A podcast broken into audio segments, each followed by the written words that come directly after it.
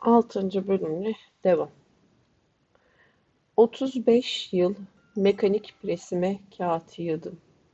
35 yıl kötü basılmış, lekelenmiş kağıtları yok etme yöntemimin mümkün olan tek yöntem olduğunu sandım. Ama bugün öğrendim ki Babni'de dev bir hidrolik pres benimkisi gibi 20 makinenin işini yapıyormuş. Dahası görgü tanıkları bana o devin 3-400 kiloluk balyalar yaptığını ve bu balyaların tekerlekli vinçler yardımıyla vagonlara taşındığını söyleyince gidip şunu görmen gerek Hanta, gitmek gerek, nezaket ziyareti dedim kendi kendime.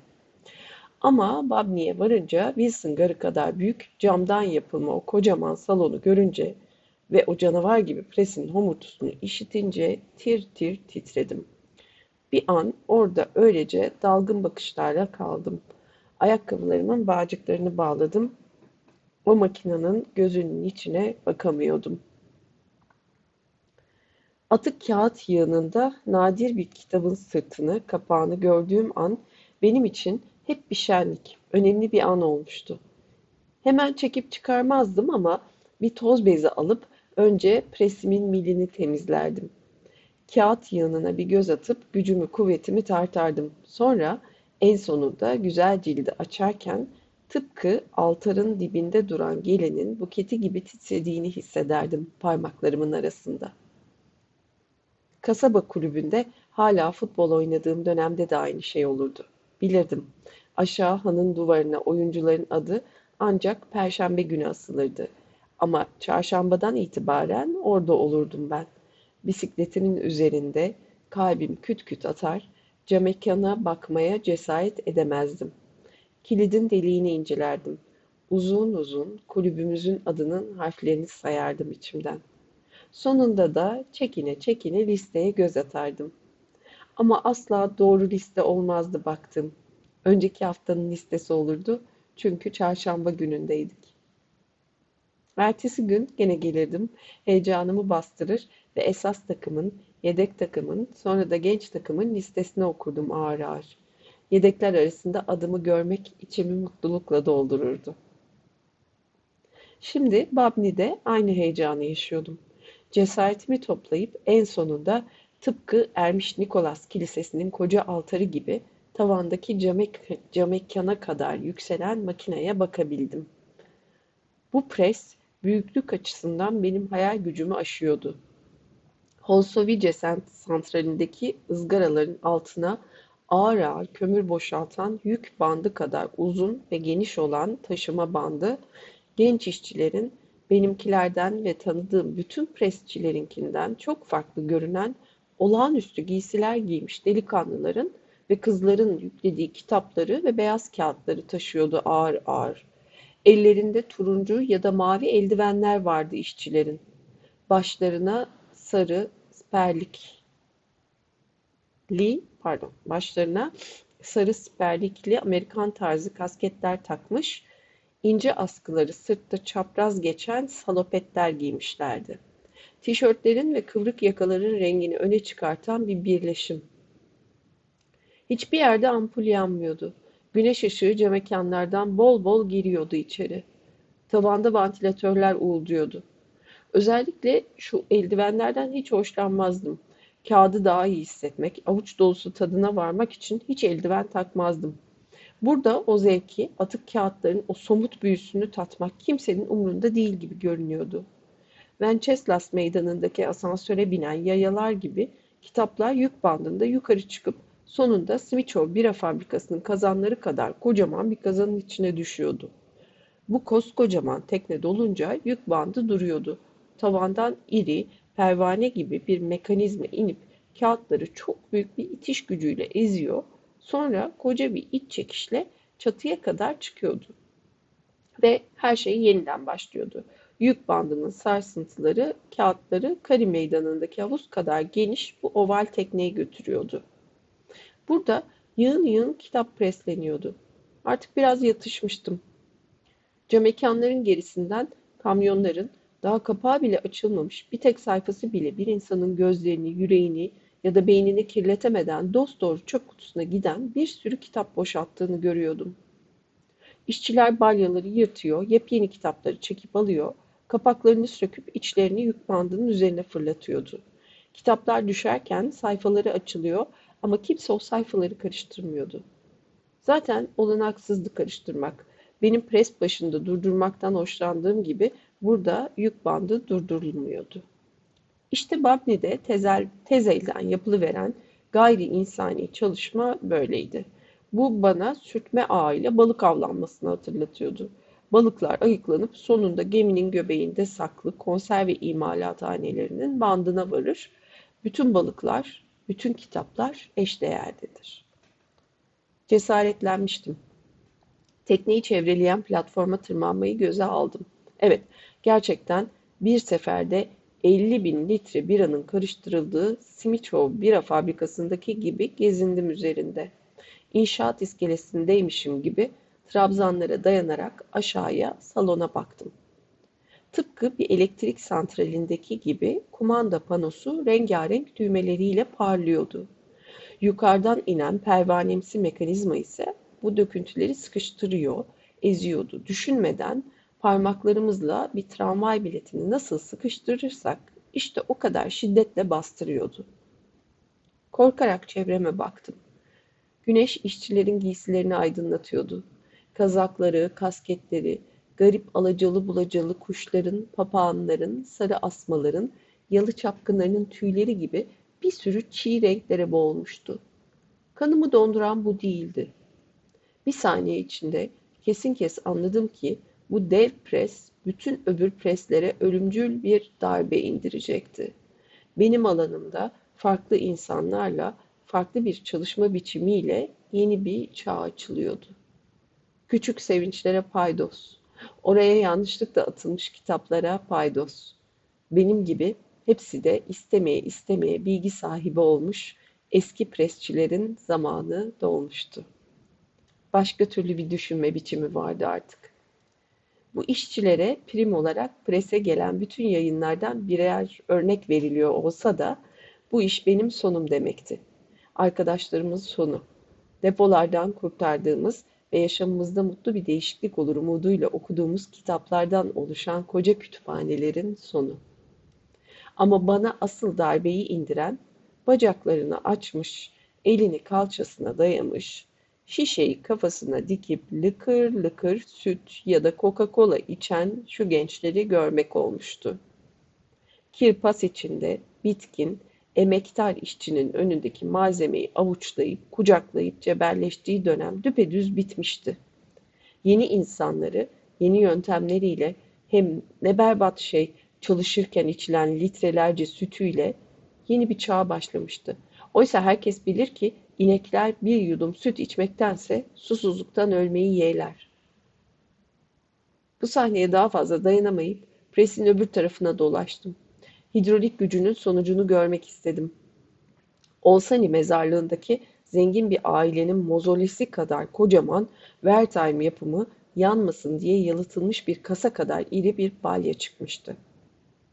Balya tekerlekli bir vincin tablasına tek başına yerleşti bir tür sürüngene benzeyen vinç kısa kısa sarsıntılarla dönerek balyayı doğrudan doğruya bir vagona yükledi. Ellerimi kaldırıp inceledim. Kirlenmiş erkek elleri. İşten yıpranmış parmaklar. Asma dalları gibi düğüm düğüm nasırlı.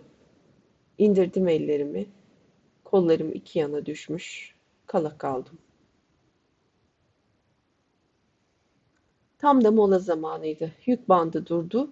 İşçiler, raptiyeler, sarmaşık gibi olmuş kağıt parçaları ve talimat notlarıyla dolu kocaman duvar tablosunun altına oturup yanlarında getirdikleri ikindi kahvaltılarını açtılar.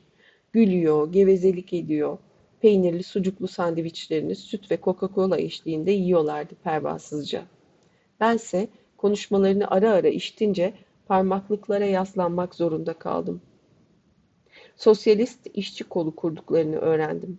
Her cuma masraflar işletmeye ait olmak üzere bir otobüsle Kırkonoze dağlarındaki şelale, şaleye gidiyorlarmış. Geçen yaz şale, şale olup şöleye gidiyorlarmış. Geçen yaz Fransa ve İtalya'yı gezmişler. Sigara tüttürerek. Bu yılda Yunanistan ve Bulgaristan'a git sigara tüttürerek. Oo, burayı hiç okuyamamak. Sosyalist işçi kolu kurduklarını öğrendim. Her cuma masraflar işletmeye ait olmak üzere bir otobüsle Kekonozya dağlarındaki şaleye gidiyorlarmış. Geçen yaz Fransa ve İtalya'yı gezmişler. Sigara tüttürerek bu yılda Yunanistan ve Bulgaristan'a gitme planları yapıyorlardı. Birbirlerine sesleniyor, adlarını listelere kaydediyor, birbirlerini eğlenceye teşvik ediyorlardı. Çoktan yükselen güneşte bronzlaşmak için yarı yarıya soyunduklarını görünce şaşıramadım artık. Öğleden sonrayı nasıl en iyi şekilde değerlendirebileceklerini tartışıyorlardı. Irmağa yüzmeye mi gitseler yoksa Modrani'de futbol mu oynasalar? Yunanistan'da tatil projeleri beni adam akıllı sarsmıştı. Herder ve Hegel okurken ben de Yunanistan hayalleri kurmuştum. Friedrich Nietzsche okurken Dionysosçu bir dünya görüşü geliştirmiştim ama hiç tatile gitmemiştim. İzinlerim hep geciken işleri kapatmaya çalışırken uçup gidiyordu. Mazeret bildirmeden gelmemişsem şefim iki günlük mesai daha ekliyordu. Tesadüfen bir iki gün iznim kalmışsa da parasını alıyor, işe gidiyordum.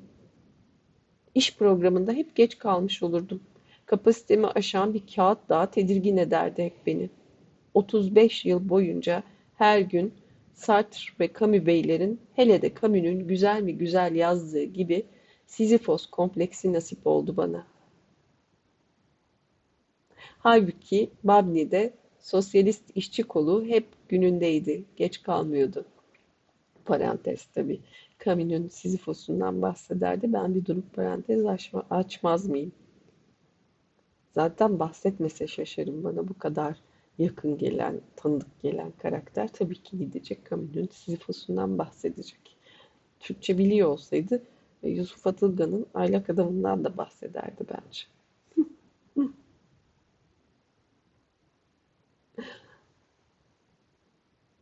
Devam. Halbuki Babni'de sosyalist işçi kolu hep günündeydi, geç kalmıyordu. Yunan delikanlıları gibi esmerleşmiş şu oğlanlar ve genç kızlar şimdi yeniden işbaşı yapmışlardı. Yazı Hellas'ta geçirmek onları hiç ırgalamıyordu gerçekten. Aristoteles'ten, Platon'dan, Göte'den, antik Yunan'ın ölümsüzlüğünden bir haberdiler. Sakin sakin kitapların sayfalarını koparmaya devam ediyorlardı. Korkudan dimdik olmuş sayfalara kayıtsızlıkla bakıyorlardı. Bu yapıtların saklı değerine tümden duyarsızdılar. Oysa bu yapıtları birileri yazmış, birileri düzeltmiş, okumuş, resimlemiş, bastırmış, sonra da ciltlemişti. Bir başkası da okunmaya değer olmadıklarına karar vermiş, sansürlemiş, döküntülerin arasına göndermişti.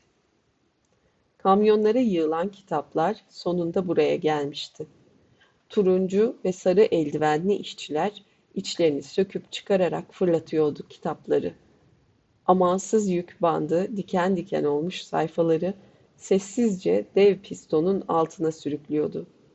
Güzelce preslenip balyalanan kitapların ömrü kağıt fabrikalarında son buluyordu.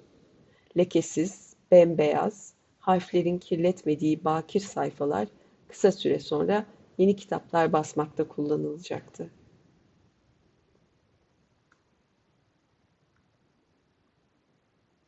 Parmaklıklara yaslanmış insanoğlunun çalışıp didinişini böyle izlerken, güneşte bir ilkokul öğretmeninin peşinden de bir grup öğrencinin içeri girdiğini gördüm.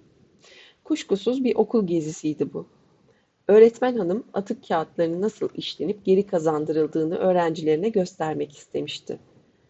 Ama şaşkın bakışların altında eline bir kitap aldı. Öğrencilerine dikkatle bakmalarını söyledi ve kitabın iç organlarını deşme konusunda usulüne uygun eksiksiz bir gösteri sundu. Onlar da sırayla birer kitap aldılar özenle kapağını söküp içini yırtmaya koyuldular. Kitaplar karşı koyuyor, kendilerini savunmaya çalışıyorlardı ama küçük parmaklar daha güçlüydü. İşçiler de çocuklara cesaret veriyordu. İş hızlı ilerliyor, masum alınlar aydınlanıyordu. Libus tavukçuluk endüstrisini düşünmeden edemiyordum. Bandın hızında ilerleyen canlı piliçlerin acemice içini boşaltan kadın işçiler aynı şu küçük çocuklar gibi davranıyordu. Şakalaşıyor, çalışırken gülüyorlardı. Yarı ölü ya da canlı piliçlerle dolu binlerce kafes eğik bandın üzerinde ilerliyordu. Kuşlardan kaçabilenler bir kamyonun üzerine konmuştu. Bazıları da banttan uçup gitmeyi bile akıl etmeksizin rastgele yemlenmeye devam ediyordu. Genç kızlar hemcinslerini boyunlarından kancalara geçiriyordu. Başıma eğdim. Çocuklar bu öğrenme işine öyle çok çaba sarf ediyordu ki kazaklarını, hırkalarını çıkarmışlardı. Mücadele içinde birlik olmuş birkaç kitap göğüs geriyordu. Sert kenarları yüzünden iki oğlan çocuğunun tırnağı kırıldı. Ama öğretmen minik parmaklara gazlı bez sararken takviye kuvveti olarak gelen işçi kızlar kitapları, sayfaları dikilmiş bu ezeli ve ebedi isyankarları bir fiskede yürüyen banda yolladı. Gökler insancıl değil. Bense dayanabileceğimden fazlasına maruz kalmıştım. Gökler insancıl değil. Bense dayanabileceğimden fazlasına maruz kalmıştım. Çekip gitmek için döndüğüm sırada bana seslenildiğini işittim. Hanta, e ihtiyar kirpi, ne diyorsun bu işe? Turuncu kasketli gençlerden biri New York'taki özgürlük heykeli gibi teatral bir jestle süt şişesini kaldırmış, sallayarak gülüyordu. Öbürleri de, hepsi gülüyordu. Kim olduğumu biliyorlardı. Belki de benden hoşlanıyorlardı. Benim için her şey yıkılırken oralarda dolaşıp durduğum onca zaman beni izlemişlerdi. Onlardan ve yeni devasa makineden etkilenip etkilenmediğimi merak etmişlerdi. Şimdi yüksek sesle katıla katıla gülüyor, sarılı turunculu eldivenlerini sallıyorlardı. Ellerimle yüzümü kapatıp alelacele oradan kaçtım. İki tarafında binlerce paketin durduğu bir koridora çıktım. Ben koştukça sağımdan solumdan kitaplar akıp geçiyordu arkaya doğru. Çeşit çeşit seslerle çınlayan o kahkaha çağlayanını geride bırakıyordum. O uzun koridorun ucunda durdum. Dayanamayarak paketlerden birini açtım. Çocukların minik parmaklarından öç alan bu kitaplar 85 bin adet basılan 3 ciltlik küçük lordlardı. Küçük lordların çeyrek milyonu çocuk parmaklarına karşı böyle mücadele edebiliyordu. Başka koridorlara girdim. Savunmasız başka kitap paketleri diziliydi oralarda da. Libus'a düzenlenen o geziyi tekrar düşündüm. Kafeslerden kaçmayı başarmış piliçler yürüyen bandın üzerinde yemleniyordu. Sonra bir el onları yakalayıveriyor, canlı canlı bir kancaya geçiriyor ve boğazını kesiyordu. Yazgı çemberini yarıp geçen o piliçler gibi bu depodaki kitaplar da erken erken ölüme gidiyordu. Yunanistan'a bir gidebilseydim diyordum kendi kendime. Önce Aristoteles'in doğduğu Stagera'ya gidip secdeye varırdım. Sonra kesinlikle paçası şeritlerle büzülmüş uzun don giyerek olimpiyat stadında tur atardım. Olimpiyat oyunlarının şampiyonları şerefine koşardım. Bir gidebilseydim Yunanistan'a. Şu sosyalist işçi birliğiyle Yunanistan'a gidebilseydim, mimarlık ve felsefe üzerine konferanslar verirdim onlara. Bütün intihar edenler üzerine dersler verirdim. Demostenes, Platon ve Sokrates üzerine yanlarında bir gidebilseydim. Ama işte yeni bir döneme, yeni bir dünyaya giriyorduk. Umurlarında bile değildi bu gençlerin. Her şey çoktan değişmişti. Düşüne düşüne arka kapıdan mahzenime, mahzenimin loşluğuna, cılız ampullerine, küf kokusuna döndüm. Presimi okşadım. Onun güzelce cilalanmış teknesini, zamanın eski ve kirli bir görünüm verdiği ahşabını okşadım. O sırada birdenbire bir bağırış, içler acısı, ani bir haykırış yüzünden döndüm. Şefim orada duruyordu. Gözlerine kan oturmuştu. Uzun süren yokluğun karşısında çektiği acıyı haykırıyordu tavana. Avlu hala kağıtlarla doluydu. Bana neden kızdığını iyi anlamayı başaramadım ama kendimi aşağılık bir varlık gibi hissettim. Şefim artık bana tahammül edemiyordu ve birçok kez bana o ana dek hiç kimsenin söylemediği bir söz söyledi. Ben ciğeri beş para etmezin, değersizin tekiydim, ahmaktım. Babni'deki dev pres, Genç Sosyalist Çalışma Birliği ve Yunanistan'a yapacakları yolculuk, bense tam bir manevi karşıtlık içinde ahmaktım, salaktım, minicik presimden de küçüktüm. Bütün öğleden sonrayı deli gibi çalışarak geçirdim. Babni'deki tempo ile kürekledim kağıtları. Parlak kapaklı kitaplar çene çalıyordu benimle. Ama ben kendimi savunuyordum. Durmadan kendi kendime hayır hakkın yok. Bu kitaplardan birini bile açmaya hakkın yok. Koreli bir cellat kadar soğukkanlı olman gerek diye tekrarlıyordum. Habire çalışıyordum. Prese attığım şeyler sanki toprak yığınıymış gibi davranıyordum. Motor ısınıyordu. Bu mahzende pas tutmuş makina onun için yepyeni olan bu tempoda öksürerek, sarsılarak deli gibi dönüyordu. Gidip bir şişe süt aldım. İlk yudumda gırtlağımdan dikenli ter geçiyormuş gibi oldu ama dayandım. Ve çocukluğumdaki balık yağı gibi iğrenç olan bu içiciyi içmeye zorladım kendimi. İki saat geçti. Günlerden perşembeydi. Her perşembe olduğu gibi genellikle heyecanla beklediğim Comenius Üniversitesi'nin kütüphanecisini Kütüphanecisi felsefe kitaplarıyla dolu bir sepet boşalttı ayaklarımın dibine. Sanki döküntüylermiş gibi hepsini presime doldurdum. Kaçamak bakışlarla fark ettiğim töreler metafiziğini bile. Yüreğim parçalandı. Öfkeyle presledim de presledim. Anonim balyalar yaptım. Eski ya da modern ustaların en ufak bir reprodüksiyonunu bile koymadım. Bana hangi iş için ücret ödeniyorsa salt o işi yaptım sanata, yaratıma, güzellik içinde üretime paydos demiştim artık. Bu gidişle hiç kuşkusuz tek başıma bir sosyalist işçi birliği kurabilir, yıllık verimliliği yüzde elli arttırmayı taahhüt edebilirdim. Kesinlikle işletmenin şalelerine gitme hakkım da olurdu. Hiç kuşku yok ki yazı Yunanistan'da geçirirdim. Olimpiyası adını uzun donla turlardım ve Stagera'daki Aristoteles'in şerefine secdeye varırdım. Nitekim sütü doğrudan doğruya şişeden içerek çalıştım. İnsanlık dışı, duyarsız bir şekilde. Tıpkı Babni'dekiler gibi. Akşama her şey bitmişti. Her şeyi preslemiştim. Böylece ciğeri beş para etmezin teki olduğumu kanıtlamıştım. Bununla birlikte o akşam yazıhanelerin arka tarafında duşunu yapan şefim akan suyun altından benimle tartışmayacağını bildirdi. Raporunu yazmıştı ve beni yöneticilere havale etmişti. Bir an durup onun kurulanışını, gri kıllarının havluda çıkarttığı hışırtıyı dinledim. Birdenbire mancayı özledim.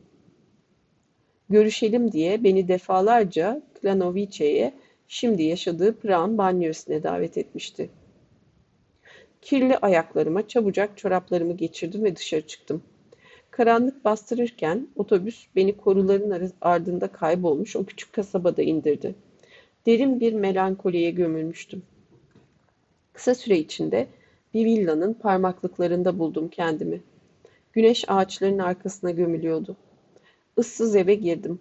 Koridorda, mutfakta ya da odalarda kimse yoktu. Bunun üzerine bahçeye çıktım. Gördüklerim sabahki Babni Pres, Pres'ine yaptığım ziyaretten daha çok şaşırttı beni. Uzun çamlar, ve güneşin ağır ağır battığı göğün kehribar rengi üzerinde karaltı halinde bir melek belirdi. Dev bir heykel. Minohradi'deki şair Çeç'in anıtı kadar büyük bir heykel. Heykele bir merdiven dayalıydı. Merdivenin üzerinde de açık mavi bluzu, beyaz pantolon, pantolon ve bluzu ve beyaz pantolon ve ayakkabılarıyla bir ihtiyar, çekiciyle taşa güzel bir kadın başı oyuyordu. Daha doğrusu ne kadın ne erkek başı. Gökten inmiş bir meleğin hünsa yüzüydü bu. Cinsiyet ya da evlenme izi taşımıyordu. İhtiyar beyefendi habire aşağı bakıyordu. Aşağıda bir koltuğa benim mancam kurulmuş oturuyordu. Elinde tuttuğu gülü ara ara kokluyordu. İhtiyar adam gözleriyle içtiği mancanın yüz hatlarını ustalıklı bir yontma kalemiyle hafif çekiç darbeleriyle taşa aktarıyordu. Manca'nın saçları çoktan kırlaşmıştı. Ama bir mahkum küçük bir oğlan çocuğu, sporcu, Tanrı'nın lütfunu kazanmış bir atlet gibi kesilmişti. Bir gözü öbüründen daha aşağıdaydı. Bu da ona seçkin bir hava veriyordu. Hatta şaşı bakıyor denebilirdi. Ama bunun bir göz kusurundan ileri gelmediğini biliyordum.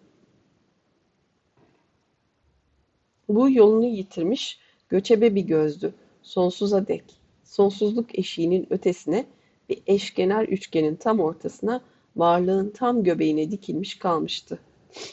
Katolik bir varoluşçunun çok güzel yazdığı gibi şaşı gözün elmasların ezeli ve ebedi kusuru olduğunu biliyordum. Orada kala kaldım. Yıldırım çarpmışa dönmüştüm. Beni en çok afallatan şey meleğin tıpkı iki büyük beyaz dolaba benzeyen iki koca kanadıydı. Hafifçe çırpılıyor gibi görünüyorlardı. Sanki manca havalanmadan önce ya da göklerden döndükten bir saniye sonra onları hafif hafif sallıyordu. Şimdi kendi gözümle görüyordum ki kitaplardan alabildiğine korkan ve ömründe bir kitap bile okumamış olan manca yaşamının sonunda ermişlik düzeyine yükselmişti. Gece alacakaranlığı kovaladı. Göklere asılmış gibi duran ihtiyar sanatçı hala merdivenin üzerindeydi. Beyaz ayakkabıları ve beyaz pantolonu aydınlatıyordu merdiveni. Manca bana elini uzattı, yaslandı ve şu ihtiyar beyefendinin aşıklarının sonuncusu olduğunu, karşılaştığı erkekler zincirinin son halkası olduğunu ama onu artık sadece manevi açıdan sevdiğini ve beyefendinin bunu telafi etmek için mancayı sağken mutlu etmek amacıyla bahçesine bu anıt heykeli yonttuğunu, öldüğü zaman da meleğin tıpkı bir tabut ağırlığı gibi mezarı süsleyeceğini anlattı. İhtiyar sanatçı merdiveninde dikilmiş, heykelin yüzüne doğru bir ifade vermek için keskisinin yolunu aydınlatan ay ışığında çalışıp didinirken Manca mahzenden tavan arasına kadar bana villasını gezdirdi. Alçak sesle kendisine bir melek göründüğünü anlattı. Meleğin öğütlerini dinlemiş ve bir yol işçisini baştan çıkarmış. Son parasıyla korulukta bir arazi satın almış. Gündüzleri yol işçisi temel kazıyor, gecelerini ise çadırda manca ile geçiriyormuş. Sonra manca işçiyi bırakıp bir duvarcı bulmuş. Duvarcı da çadırda onunla sevişip Evin dört duvarını yükseltmiş. Sonra sıra marangoza gelmiş. Manca'nın odasını ve yatağını paylaşan adam yerini bir tamirci muslukçuya bırakmış. İşini bitirdiğinde muslukçunun yerine geçen çatı ustası çatıya kiremit döşemiş. Daha sonra Manca'nın gecelerini paylaşan boya badanacı tavanları, duvarları yapmış. Dış cephesinin sıvasını halletmiş. En sonunda da bir marangoz mobilyaları yapmış. Böylece aşk ve taş gibi bir irade sayesinde Manca ev sahibi olmuş. Üstüne üstlük de onu platonik bir tutkuyla seven ve onun melek görünümünde bir heykelini yapan ihtiyar sanatçıyı bulmuş.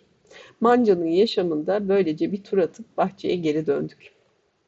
Beyaz ayakkabılar ve pantolon merdivenden aşağıya kaydı. Açık mavi bluz ayın ışığına karışıyordu. Beyaz ayakkabılar yere değdi ve pamuk gibi ağırmış ihtiyar bana elini uzattı.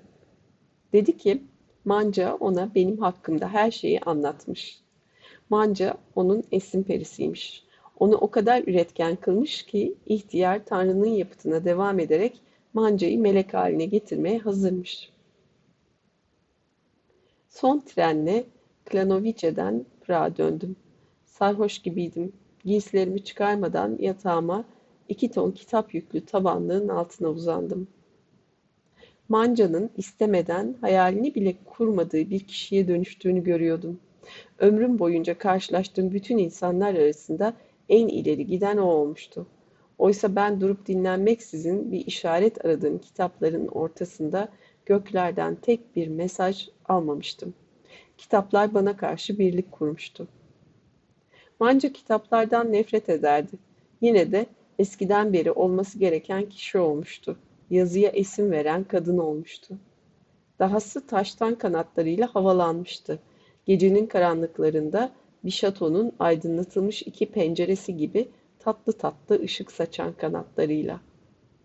Bu kanatlar bizim kurdelalı şeritli love story'mizi ve Altın Tepe'nin yamaçlarındaki Renner Oteli'nde kayaklarını süsleyen kakayı çok uzaklara atmıştı.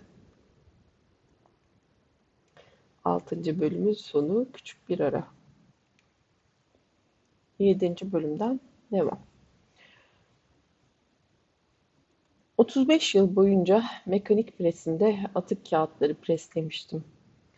35 yıl boyunca hep böyle çalışacağımı sanmıştım. Emekli olunca presimin de benimle geleceğine inanmıştım. Ama Babni'deki devi ziyaret ettikten sonra Bütün hayallerimin tersinin gerçek olması için üç gün yetti. Bir sabah avluda Sosyalist İşçi Birliği'nin iki üyesiyle karşılaştım. Sarı eldivenleri, turuncu kasketleri, mavi salopetleri ve pantolon askılarının altına kıvrılmış yeşil yakalarıyla beyz beyzbol oynayacak gibi giyinmişlerdi. Etekleri zil çalan şefim onları benim mahzenime götürdü. Kendilerini hemen evlerindeymiş gibi çok rahat hissettiler. Masamın üzerine temiz bir kağıt, kağıt örtüp süt şişelerini koydular. Bense aşağılanmış, kendimi büsbütün baskı altına alınmış hissederek birdenbire bütün varlığımla anladım ki artık hiç uyum sağlayamayacaktım. Tıpkı Kopernik dünyanın evrenin merkezi olmadığını açıkladığında o ana dek yaşamalarını sağlayan evrenden farklı bir evreni tasavvur edemeyerek topluca intihar eden keşişler gibi. Tekrar. Etekleri zil çalan şefim onları benim mahzenime götürdü. Kendilerini hemen evlerindeymiş gibi çok rahat hissettiler. Masamın üzerine temiz bir kağıt örtüp süt şişelerini koydular. Bense aşağılanmış, kendimi büsbütün baskı altına alınmış hissederek birdenbire bütün varlığımla anladım ki artık hiç uyum sağlayamayacaktım. Tıpkı Kopernik dünyanın evrenin merkezi olmadığını açıkladığında o ana dek yaşamalarını sağlayan evrenden farklı bir evreni tasavvur edemeyerek topluca intihar eden keşişler gibi. Şefim gidip avluyu süpürmemi, kimin ihtiyacı varsa gidip biraz yardım etmemi ya da istersem hiçbir şey yapmamamı emretti. Çünkü ertesi haftadan itibaren Melantriş matbaasının mahzenlerinde beyaz kağıt balyaları yapacaktım. Dünya birdenbire karardı. 35 yıl boyunca mürekkep ve hatalı basılmış kağıtlar içinde çalışan ben, şu iğrenç yığının içinde sadece her an güzel bir cilt, bir armağan bulma umuduyla yaşayan ben, şimdi insanlık dışı beyazlıkta balyalar hazırlamak zorunda kalacaktım. Bu haber yüzünden dengemi yitirdim. Sırt üstü devrildim. Merdivenin ilk basamağına eklemleri yerinden oynamış bir kukla gibi oturdum. Haber yüzünden adam akıllı afallamıştım. Dudaklarım bir deli gülümseyişle donup kalmıştı. Bu durumda yapacak bir şey olmayan o iki gence baka kaldım. Onlara Spalena sokağına gidip atık kağıt preslemeleri söylenmişti. Onlar da buna itaat etmişti. Görevleri buydu. Günlük geçimlerini böyle sağlıyorlardı. Presimin teknesini kürek kürek kağıtla doldurduklarını, yeşil ve kırmızı düğmelere bastıklarını görünce delice bir umut yatıştırıyordu beni. Makinem greve gidecekti, hastalanacaktı. Çarklar kire boğup tıkanacak, kayışlar kopacaktı. Ama alçak alet bana ihanet etti. Benimle olduğundan bambaşka davranıyordu. Yeni bir gençliğe kavuşunca patlamaya hazır homurtular çıkardı ve yüksek hıza çıkartılınca da tıngırdayarak durmamacasına işlemeye koyuldu. Benimle alay ediyordu. Sosyalist çalışma bütün kapasitesini ortaya çıkartmış, kim olduğunu görmesini sağlamıştı. İki saat sonra iki delikanlının burada yıllardır çalıştığına yemin edebilirdiniz. İşi bölüşmüşlerdi. Biri tavana değen kağıt dağına tünemiş, eline bir kanca almış, atık kağıtları yığınlar halinde teknenin içine düşürüyordu. Bir saatte beş balya yaptılar. An be an şef tavandaki açıklıktan sarkıyor, bana göz ucuyla bakıyor, küçük bıngıl bıngıl ellerini teatral bir tavırla çırparak haykırıyordu. Aferin Molotsi, aferin size. Bunun üzerine yorgun gözlerimi yarı yarıya kapatarak çekip gitmek istedim oradan. Bacaklarım artık taşımıyordu beni. Utançtan felce uğramıştım. Makinam bir dakika sonra basıncın iki katına çıkacağını haber veren iğrenç ding dingleriyle bana kazık atmıştı. Delikanlının küreği ansızın mahzenin içinde ışıldadı. Yerde tekneye doğru yol alan bir kitabı durdurdum ve bluzuma sildim. Bir an göğsüme bastırdım. Kitabın soğuk teması beni ısıtıyordu. Anne çocuğuna nasıl sarılırsa öyle sarıldım kitaba. Colin meydanında bir kutsal kitabı neredeyse gövdesine batıracak kadar sıkı tutan Jean Hus gibiydim. Delikanlılar beni görmüyordu. Bir çalımla uzattım kitabı ama bana aldırmadılar. Bunun üzerine kapağına bakacak gücü buldum. Evet, Güzel, güzel bir kitaptı. Charles Lindbergh okyanus üzerindeki ilk uçuşunu anlatıyordu. Her zamanki gibi Frantic Sturm'u düşündüm. Kutsal Üçleme Kilisesi'nde ayin eşyaları bakıcısıydı. Havacılık konusunda yayınlanmış her şeyi, kitaplar, broşürler, dergileri içeren koleksiyonuyla Ikaros'un İsa'nın öncüsü olduğuna inanıyordu. Şu farkta ki İkaros göklerden düşüp denizde parçalanmıştı. Oysa 180 ton gücündeki Atlas füzesi İsa'yı dünyanın yörüngesine oturtmuştu ve İsa bugün hala o yörüngede hüküm sürüyordu. Bugün son kez dedim kendi kendime gidip Franti'yi mikrobiyotik laboratuvarında bulacağım ve ona Lindbergh ve okyanus hakkındaki kitabı armağan edeceğim. Ondan sonra küçük sevinçlere paydos. Avluya çıkarken sen sendeliyordum. Keyiften yüzü ışıl ışıl olmuş şefim Hedvika adındaki bir satıcı kızı tartıyordu. Ah o iş üstündeydi. Ben nasıl kitaplara düşkünsem şef de kızlara düşkündü. Hepsini aynı şekilde tartıyordu. Önce kağıtlarıyla sonra da tek başlarına. Sonra ağırlıklarını küçük bir deftere kaydediyordu. Çevresindeki hiçbir şeyi görmeden kızlarla gülüp şakalaşıyordu. Tartının üzerinde fotoğraflarını çekmek istercesine hazırlıyordu onları. Her seferinde sarılıp memelerini ellerken Berkel tartıları konusundaki ayrıntıları anlatıyordu. İbrenin işleyişini gösterirken tıpkı bugün Hedvika'ya yaptığı gibi kızların arkasına geçiveriyor, elleriyle kalçalarını sarıyor, yüzünü saçlarına gömüp aç kurt gibi kokusunu içine çekiyordu.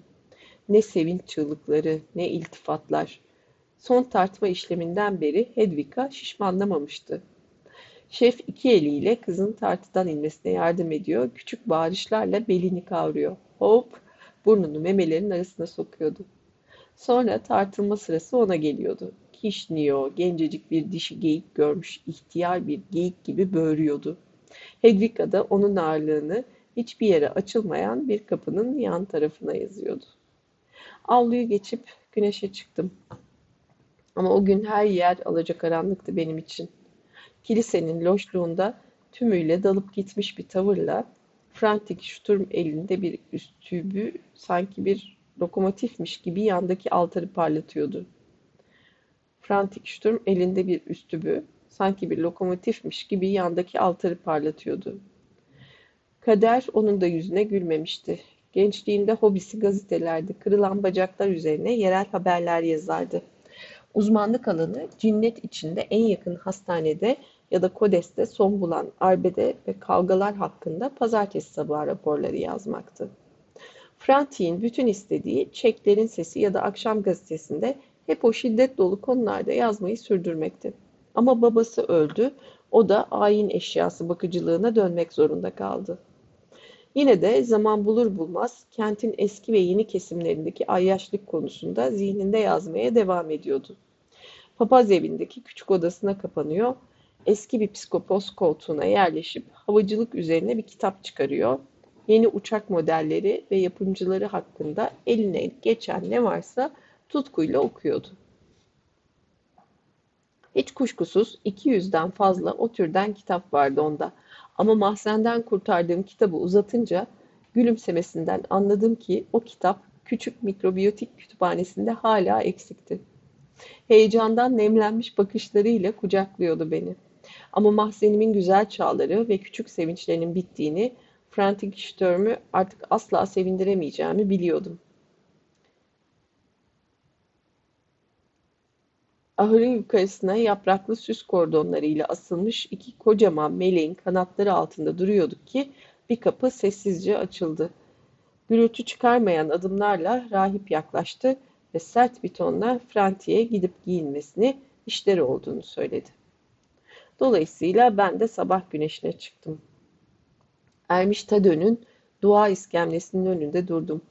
İyi yürekli Ermiş'e sık sık mezbahaların ve kasapların mide bulandırıcı kağıtlarını avluya getiren iğrenç kamyonları ırmağa yuvarlaması için Tanrı'ya aracılık etsin diye dua ederdim. Bir gün daha gülecek gülecek gücüm varken şapkama yıldızlar yapıştırmış, ermiş Tadön'ün dibine diz çökmüştüm.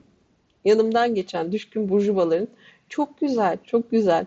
Proleterler şimdi hacın dibinde geziniyor ha diye söylendiğini işitiyordum. Ama bugün orada şapkamı gözlerime kadar indirip kıpırdamadan durdum. Diz çökeyim de şansımı son kez deneyip bir mucize yapması için Ermiş Tado'ya yalvarayım diye düşündüm. Sadece bir mucize beni onlarsız yaşayamayacağım resime, mahzenime, kitaplarıma kavuşturabilirdi.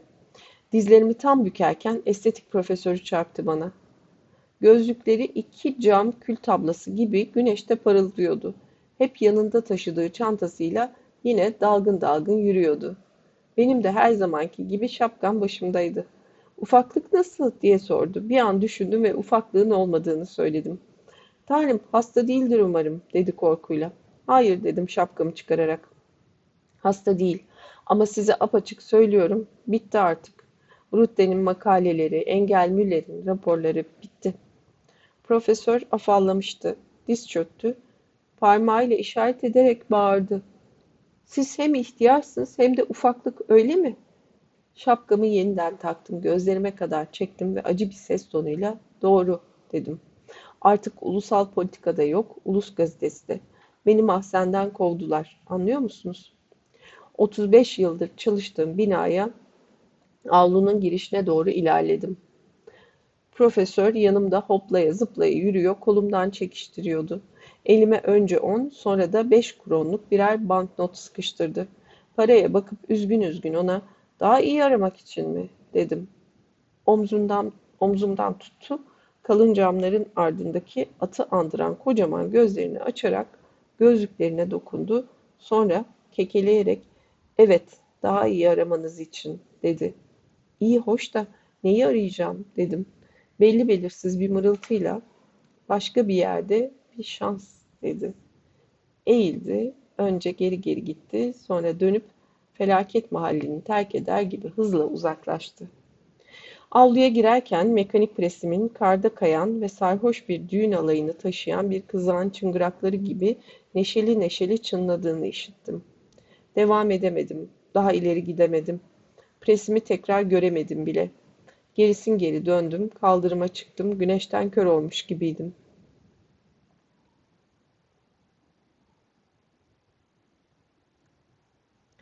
Ne tarafa yöneleceğimi bilemeden kala kaldım. Güvendiğim, inandığım kitaplardan bir cümle bile bu batış sırasında beni sarsan bu kasırgada yardımıma gelmiyordu. Ermiş Tadön'ün dua iskemlesine çöktüm. Ellerimle yüzümü örttüm. Uykuya daldım gittim. Belki sadece rüya görüyordum. Yoksa bütün varlığımla hissettiğim hakaret yüzünden delirmiş miydim? Gözlerimi ovuşturunca ansızın presimi gördüm. Dev preslerin en devi olmuştu. Öyle büyüktü ki fırın gibi ağzıyla bütün kenti tehdit ediyordu. Yeşil düğmeye bastım. Hidroelektrik barajı gibi işlemeye başladı. Binalar eskiden presime atlayan fareler gibi teknenin içine sürüklenip düştü. Kentin merkezinde yaşam her zamanki gibi devam ediyordu.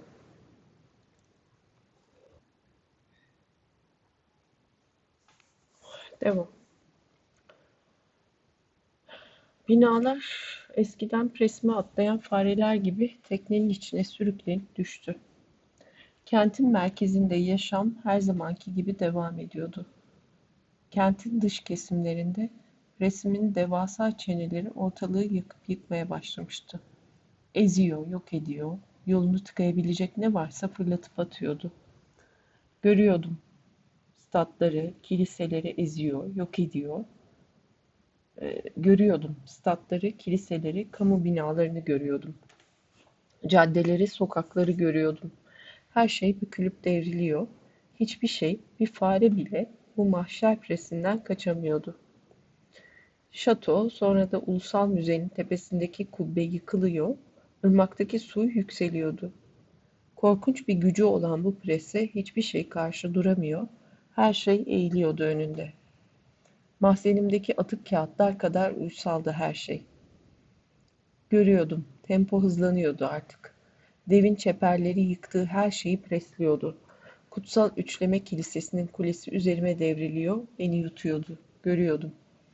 Sonra görmez oldum.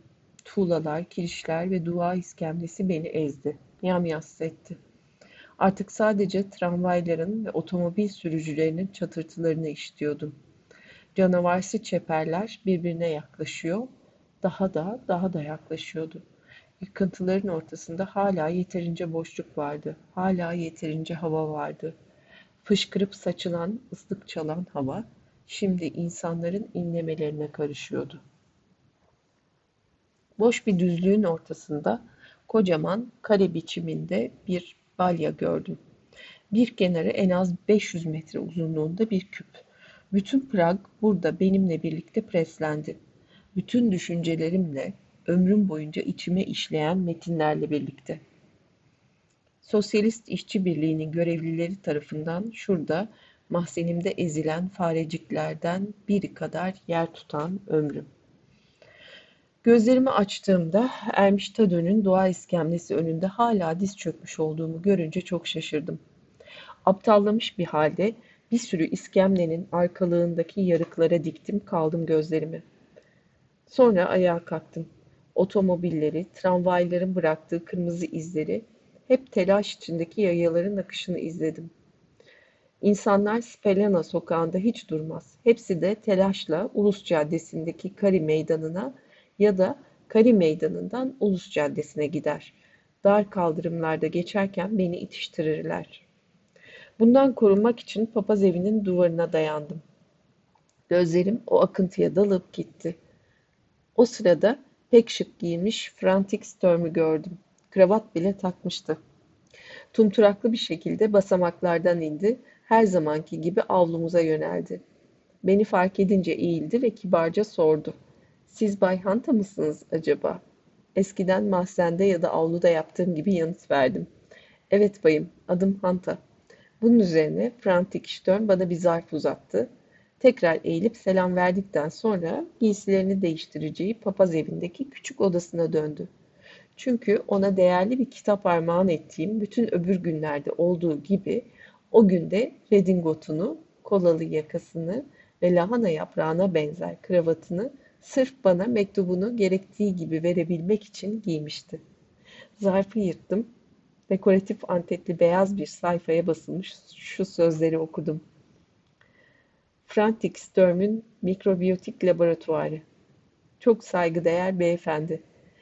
Mikrobiyotik laboratuvarı adına size Charles Lindbergh'in koleksiyonumuzu zenginleştiren Okyanus Üzerindeki Uçuşum adlı kitabı için teşekkürlerimizi sunuyoruz. Bize daha uzun yıllar yardımcı olacağınızı umarız. Mikrobiyotik Laboratuvarı adına. Frantik Stern. Kağıdın bir köşesindeki yuvarlak damga üzerinde aynı harfler iç içe geçmişti. Frantik Störm'ün mikrobiyotik laboratuvarı. Düşüncelerime gömülmüş bir halde mektubu parça parça ederek Kari meydanına yürüdüm.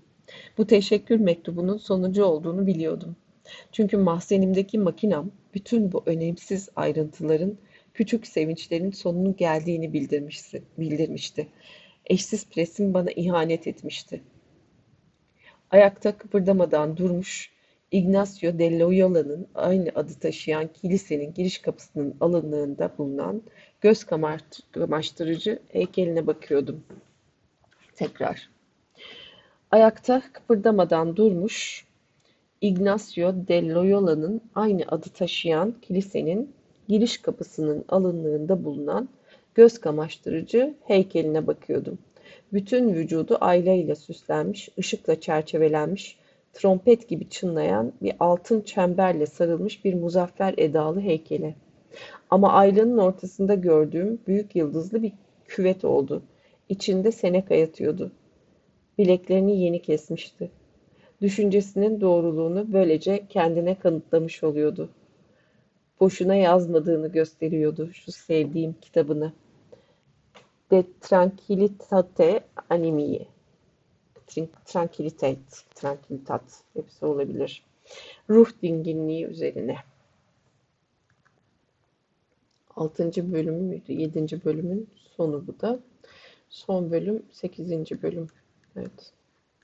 Seneca'nın intiharı. Ruh dinginliği üzerine. Devam.